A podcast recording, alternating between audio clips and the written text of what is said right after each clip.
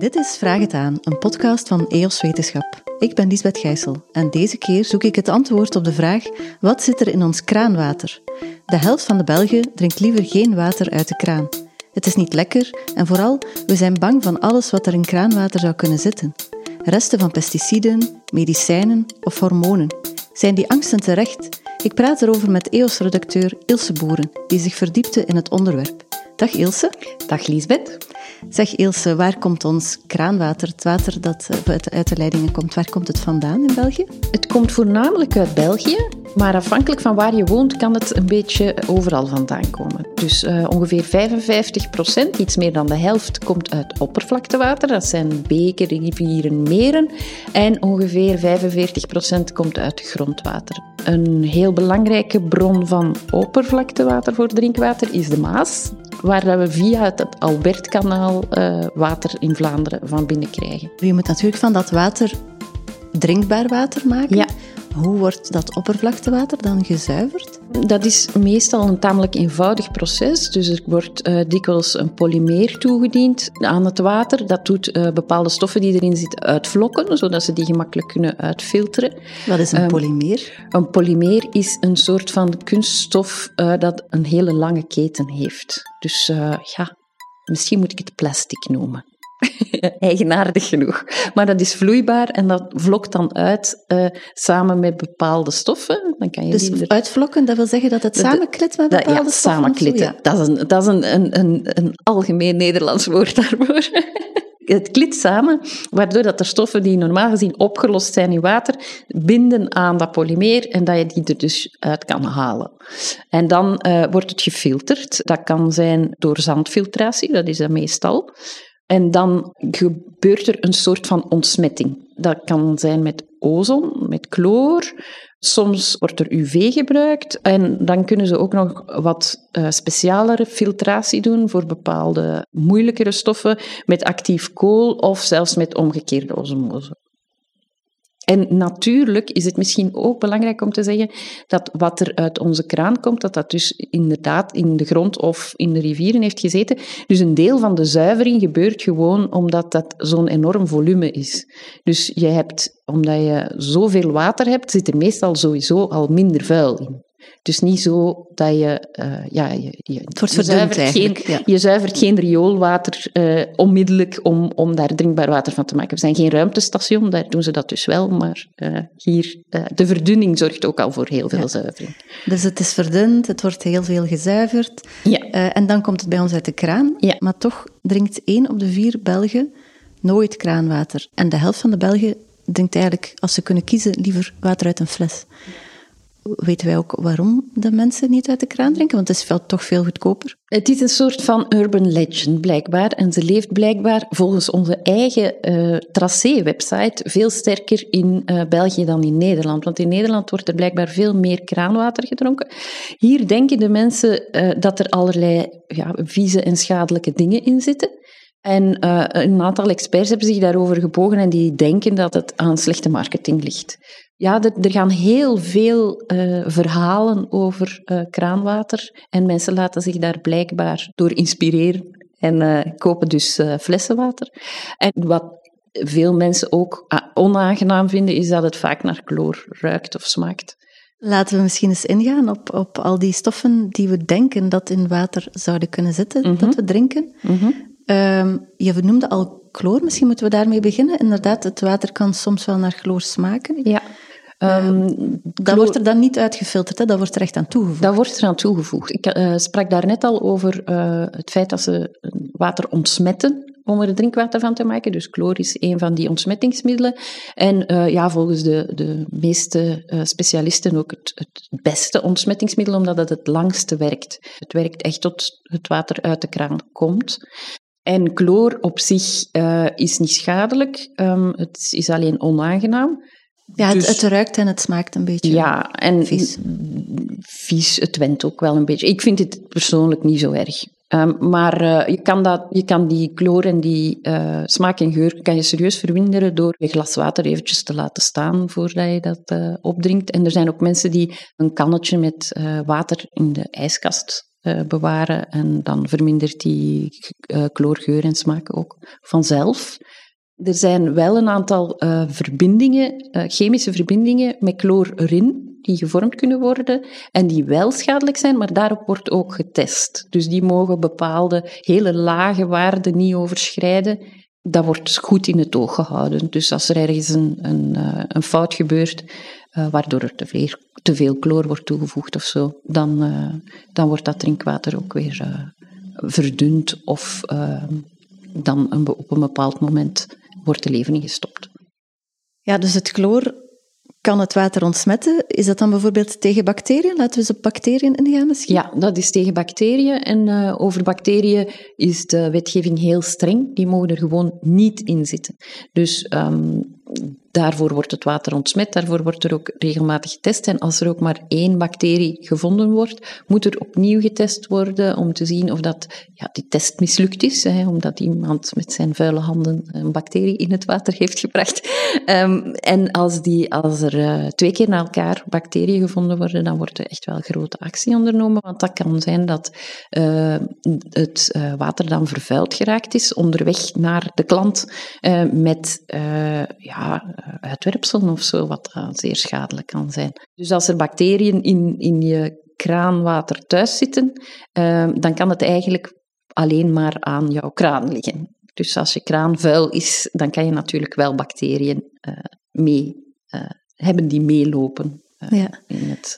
op welke bacteriën wordt er eigenlijk allemaal getest? vooral op colibacteriën en op enterokokken. Uh, dus dat zijn uh, zo de typische bacteriën die vaak voorkomen in uitwerpselen. Ja, en dat zijn dan bacteriën waarvan dat je bijvoorbeeld uh, diarree krijgt of ja, zo? inderdaad. Als je bijvoorbeeld in een ander land bent, ja. op reis, en ja, die drinkt dat, water van de kraan. Dat kan, dat kan inderdaad. En, ehm, maar je moet ook altijd zien, die testen dienen er eigenlijk voor om je te waarschuwen. Dus als ze een bacterie vinden, weten ze, oei, er is ergens een vervuiling. Vooral ook dat. Dus het is, dan, dan wordt er eigenlijk ja, alarm geslagen. Kunnen er ook virussen in het leidingwater zitten? In het leidingwater, dat uh, kan eigenlijk niet. In het rioolwater wel. Ik kan mij herinneren dat er een project was om het coronavirus te testen via het rioolwater. Dus dat kan wel.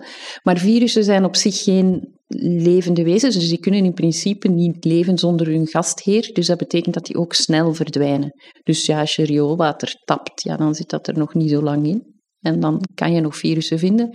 Maar in kraanwater, nee, dat kan niet. Ja, in rioolwater wordt er soms ook op drugs opgespoord, bijvoorbeeld ja. cocaïne of zo. Ja. Kan dat in ons leidingwater terechtkomen? Dat zou in principe wel kunnen, volgens mij. Um, de chemische formule ken ik niet zo goed van cocaïne, maar ik ga ervan uit dat dat wel zou kunnen. Maar ook daar wordt op getest, zowel op, op legale medicijnen als op illegale drugs wordt op getest.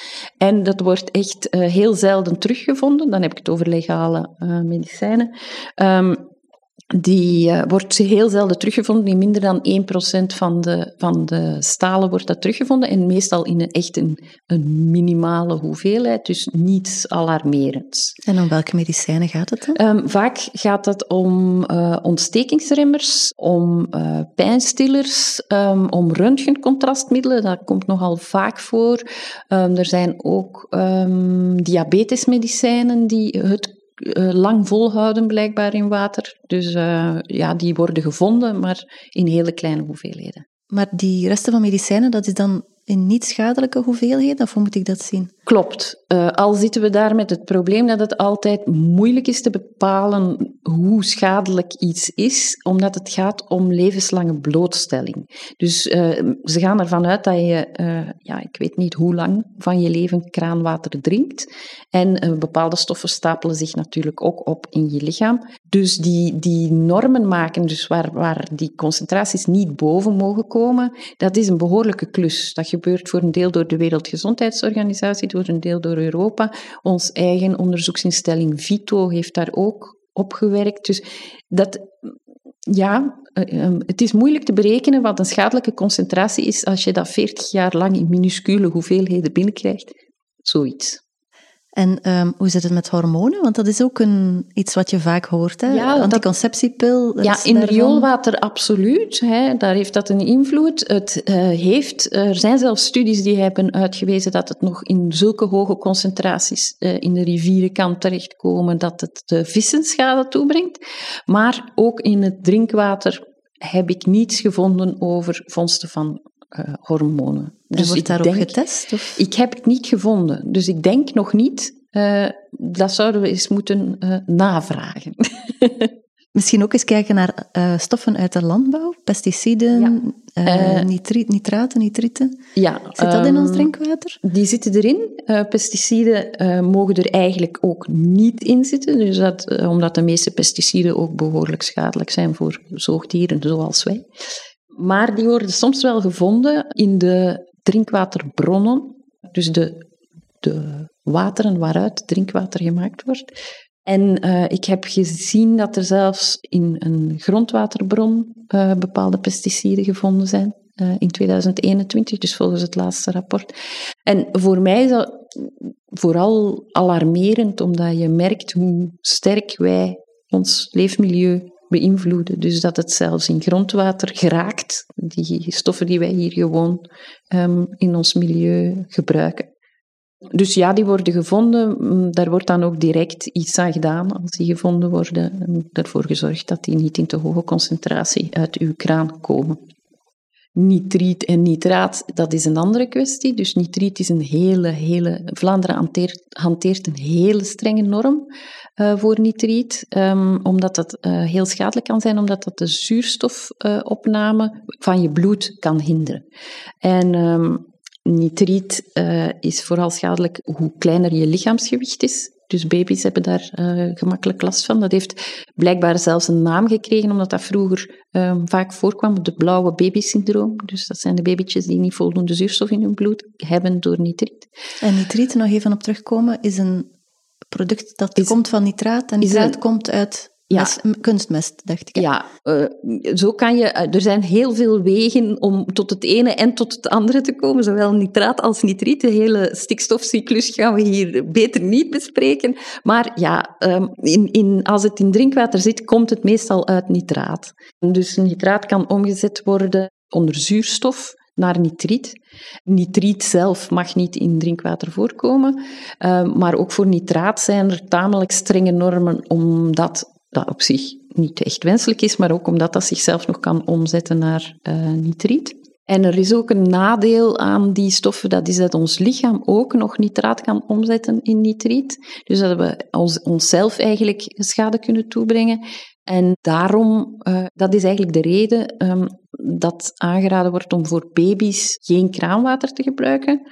Dat blijkt een beetje overdreven. Hè. Dus volgens bepaalde websites zoals Kind en Gezin kan je dat best zonder problemen doen. Maar je moet best op de site van je drinkwaterbedrijf kijken hoeveel nitraat er in je water zit. Als het eh, nitraat onder de 25 milligram per liter ligt, eh, kan je volgens Kind en Gezin je eh, babytje vanaf vier maanden fles, kraanwater geven en hoef je geen fleswater meer te gebruiken. Terwijl onze norm, waar het dus niet boven mag komen, die ligt bij 50 milligram het dubbele. Dus voor volwassenen is dat geen probleem. Maar als je je baby kraanwater wil geven, check de website van je drinkwaterbedrijf. Goeie tip. Ehm, dan de iets eh straffere stoffen misschien, zware metalen, zoals cadmium of lood. Worden die nog vaak gevonden in drinkwater? Cadmium in de, de rapporten die ik gezien heb, worden, wordt niet meer gevonden. Dus dat waren eh, nul meldingen. Ehm, lood wordt wel nog vaak gevonden. Dat is een van de stoffen waar dat het vaakst die norm overschreden wordt. En dat ligt voornamelijk aan de leidingen. Drinkwaterbedrijven eh, werkten vroeger ook met lode leidingen. Dat was echt standaard voor water. Um, dan zijn ze beginnen beseffen dat dat erg schadelijk was. En dan zijn ze behoorlijk eh, uh, drastisch beginnen vervangen. Als ik het goed begrepen heb, is er nu ongeveer meer dan 90% uh, van de uh, loodproblemen in het drinkwaternetwerk, dus het beheer van de bedrijven, uh, opgelost.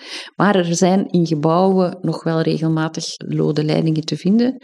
Um, in jouw eigen woning kan dat voorkomen, maar dat kan bijvoorbeeld ook in scholen of kinderdagverblijven zijn. Als je nu zelf nog lode leidingen hebt in je huis, Um, kan je dan best inderdaad flessenwater drinken? Of zijn er andere dingen die je kunt doen? Ja, um, ook weer jonge baby's en voor uh, kleine kinderen en voor zwangere vrouwen zou je dat inderdaad best doen. Andere mensen kunnen over het algemeen dat water wel gebruiken. Er zijn een paar tips. Geen water gebruiken dat lang kan stilgestaan hebben in de leidingen. Dus dat betekent dat als je water neemt, uh, s'morgens dat je eerst best een paar liter laat lopen, zodat je leiding een beetje gespoeld is. En uh, een andere tip is blijkbaar uh, van geen warm kraanwater te nemen. Dus als je uh, water wil gebruiken voor, weet ik veel, thee of zo, dat je dan niet begint met warm water dat je in je waterkoker doet, maar met ijskoud. Omdat blijkbaar warm water die, lood mee, dat lood meer meeneemt. Heeft het eigenlijk zin om, om zelf bij je thuis een filter te gebruiken? Um, ja, op, het, op, de kraan of bijvoorbeeld het water van de kraan in een kan te doen met een filter? Um, die kan met die filter, dat wordt zelfs afgeraden, want zo breng je gemakkelijk bacteriën in je kraanwater.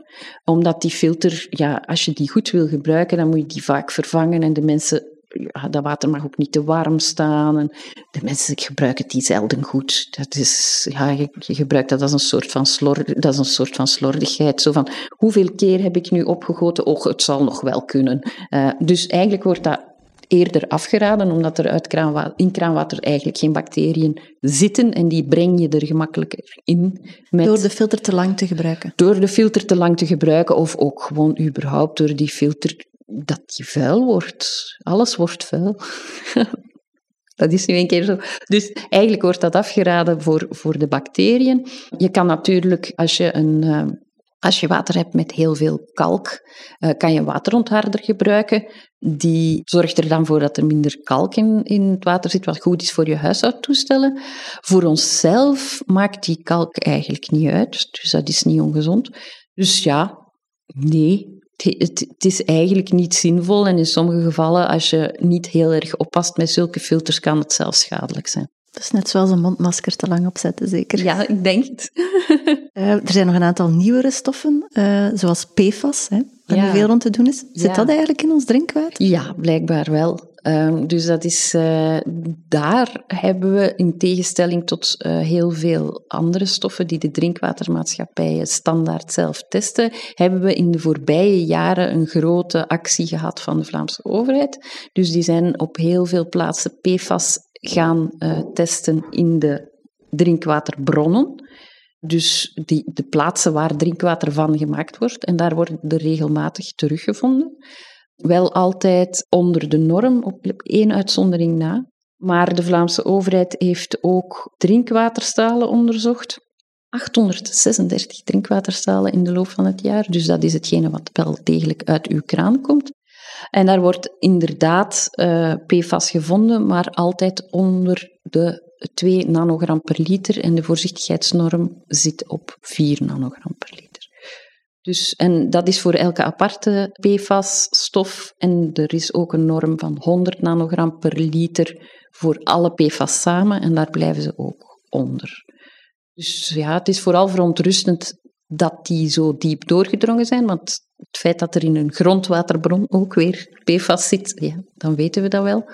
Maar um, ja, tot nu toe uh, lijkt het niet echt een probleem voor onze gezondheid en krijgen we het blijkbaar zeker niet via ons drinkwater in de grootste mate binnen.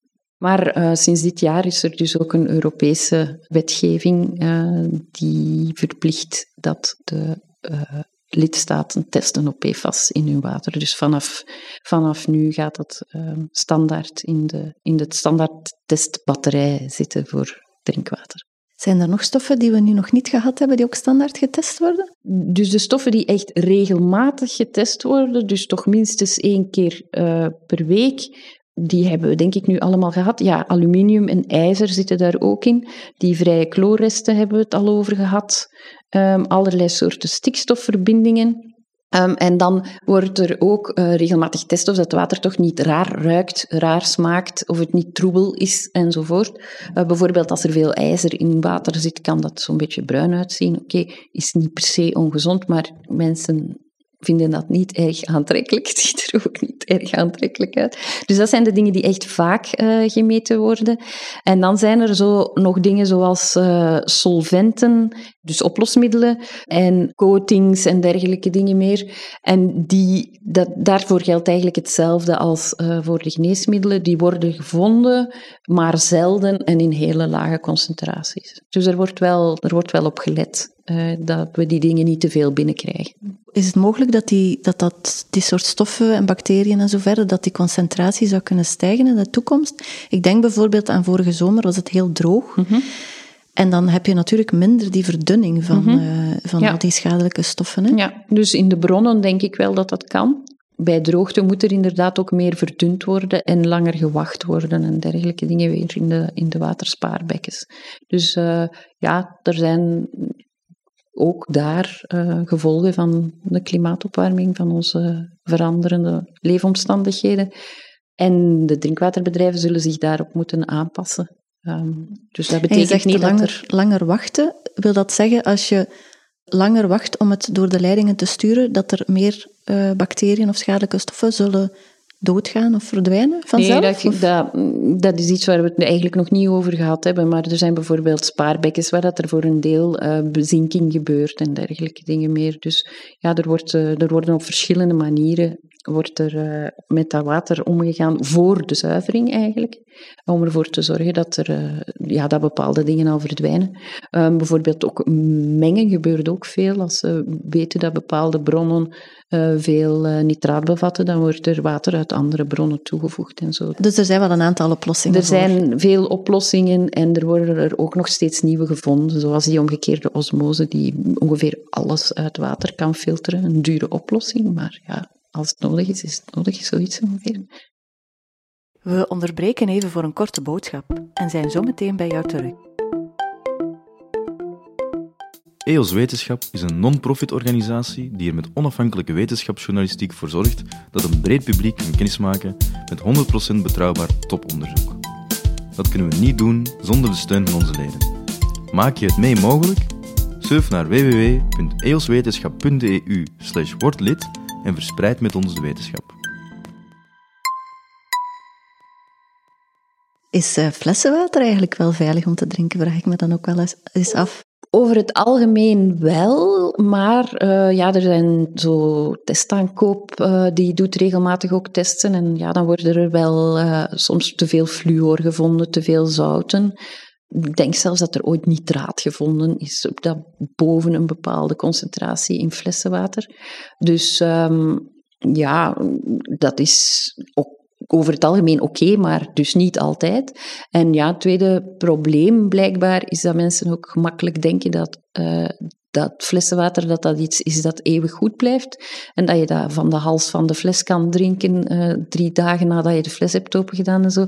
Dus in flessenwater over het algemeen zitten meer bacteriën dan in kraanwater. Vooral ook door de manier waarop de mensen ermee omgaan. Dus uh, ze, ze nemen de fles vast met vuile handen, ze drinken van de hals van de fles en ze zetten ze dan in een warme kamer. En ja, bon, de bacteriën die je erin hebt gebracht, die beginnen zich te vermenigvuldigen en dat is dus niet zo gezond. Er zijn zelfs mensen die zeggen dat je eigenlijk een open fles kraanwater niet langer dan 24 uur mag gebruiken. Dus ik weet het niet of dat, dat allemaal zo dringend is, maar het idee dat kraan, uh, kraanwater ongezonder is voor bacteriën dan uh, flessenwater, dat klopt alleszins niet. Wie controleert er eigenlijk dat leidingwater? Um, dat doen de drinkwaterbedrijven zelf. Uh, die zijn verplicht van ja, heel veel uh, stoffen, dus ongeveer wekelijks, uh, te controleren. En een hele hoop dingen ook regelmatig. En die resultaten die moeten te vinden zijn op hun website, dus dat jij die kan zien als consument. En die worden ook gerapporteerd aan de overheid. En dan is er nog een controleorgaan van de overheid. Uh, bij de Vlaamse Milieumaatschappij zit dat. Uh, en die controleren dan ook nog steekproef, steekproefgewijs uh, de drinkwatermaatschappijen op hun controles. Ja, want zij doen eigenlijk controles op een product dat ze zelf verkopen. Ja, dat... maar dat is in veel gevallen zo. Dat wij realiseren ons dat niet altijd. En dat is inderdaad, dat kan een gevaar inhouden. Natuurlijk, ze hebben er geen baat bij dat mensen massaal ziek worden of dat ze een of andere klacht aan hun been hebben of een boete krijgen. Um, maar uh, dus we gaan er vaak vanuit bij ja, wetgeving dat bedrijven ter, ter goeder trouw zijn. Het is ook zo bij, bij afvalwaterlozingen en zo. Um, dat zit ook vaak uh, bij de bedrijven zelf. Dus zij weten hoeveel ze mogen lozen in een bepaalde rivier. En zij moeten zelf zeggen: kijk, wij hebben niet meer geloosd dan dat. De vraag is natuurlijk ook of dat je als overheid uh, elke druppel water kan testen. Uh, ja, dat, is, dat, zijn enorme, enorme inspanningen die dat daarvoor nodig zijn. Dus ja, er staat ook niet aan, aan elk rood licht een politieagent uh, te kijken of jij daar wel voor stopt. We moeten het zomaar zien, zeker. Ja, er staat ja. een wetgeving en wij zijn verplicht om ons daar aan te houden. Uh, concluderend misschien, Ilse. Fles of kraanwater? Ik kraanwater. Absoluut. Ik ben al heel lang overtuigde gebruiker. en wegens welke belangrijkste reden dan? Uh, het idee dat ik het idioot vind om een product dat ze mij aan huis leveren uh, te gaan kopen in de winkel. Zoiets. Ja, het is natuurlijk ook beter voor het milieu. Hè? Veel beter voor het milieu. Um, naar het schijnt kan je, is het ongeveer uh, de voetafdruk van een liter uh, kraanwater ongeveer 200 keer kleiner dan van een liter fleswater heb ik ergens gelezen. En bovendien, dat is misschien ook nog een argument voor sommige mensen. Mensen zeggen dat uh, leidingwater duur is, maar het is uh, eh, 120 keer goedkoper dan fleswater. Jij hebt de cijfers allemaal goed op een rijtje, Ilse. uh, mensen die nog meer cijfertjes en analyses willen lezen, die kunnen wellicht het artikel van jou lezen in de Nieuwe EOS. Ja, die kunnen het artikel lezen in de Nieuwe EOS, waar ik een aantal dingen samengevat heb. Ook um, verteld heb hoe de controles gebeuren en wie die doet. En als mensen die nog meer cijfertjes willen lezen, die raad ik aan op uh, de website van hun drinkwatermaatschappij te kijken. Of de dikke, dikke rapporten op de website van de Vlaamse Milieumaatschappij erop na te slaan. Uh, dus die hebben een jaarlijks rapport over de waterkwaliteit. Die samenvat wat erin zat en welke gevaarlijke dingen er gebeurd zouden kunnen zijn. En ehm, die hebben ook twee dikke rapporten over PFAS uh, op hun site staan. Oké, okay, veel leesvoer denk ik dan. Absoluut. Bedankt Ilse voor uh, jouw uitleg. Graag gedaan. Wie meer wil lezen over drinkwater of over water in het algemeen, die kan een heel dossier over water vinden in de nieuwe EOS. En die is te koop in de krantenwinkel of op onze online tijdschriftenwinkel www.tijdschriftenwinkel.be. Bedankt om te luisteren naar deze podcast. Dit was Vraag het aan, een podcast van EOS Wetenschap. Vond jij dit interessant? Geef ons dan een goede review. Tot de volgende keer.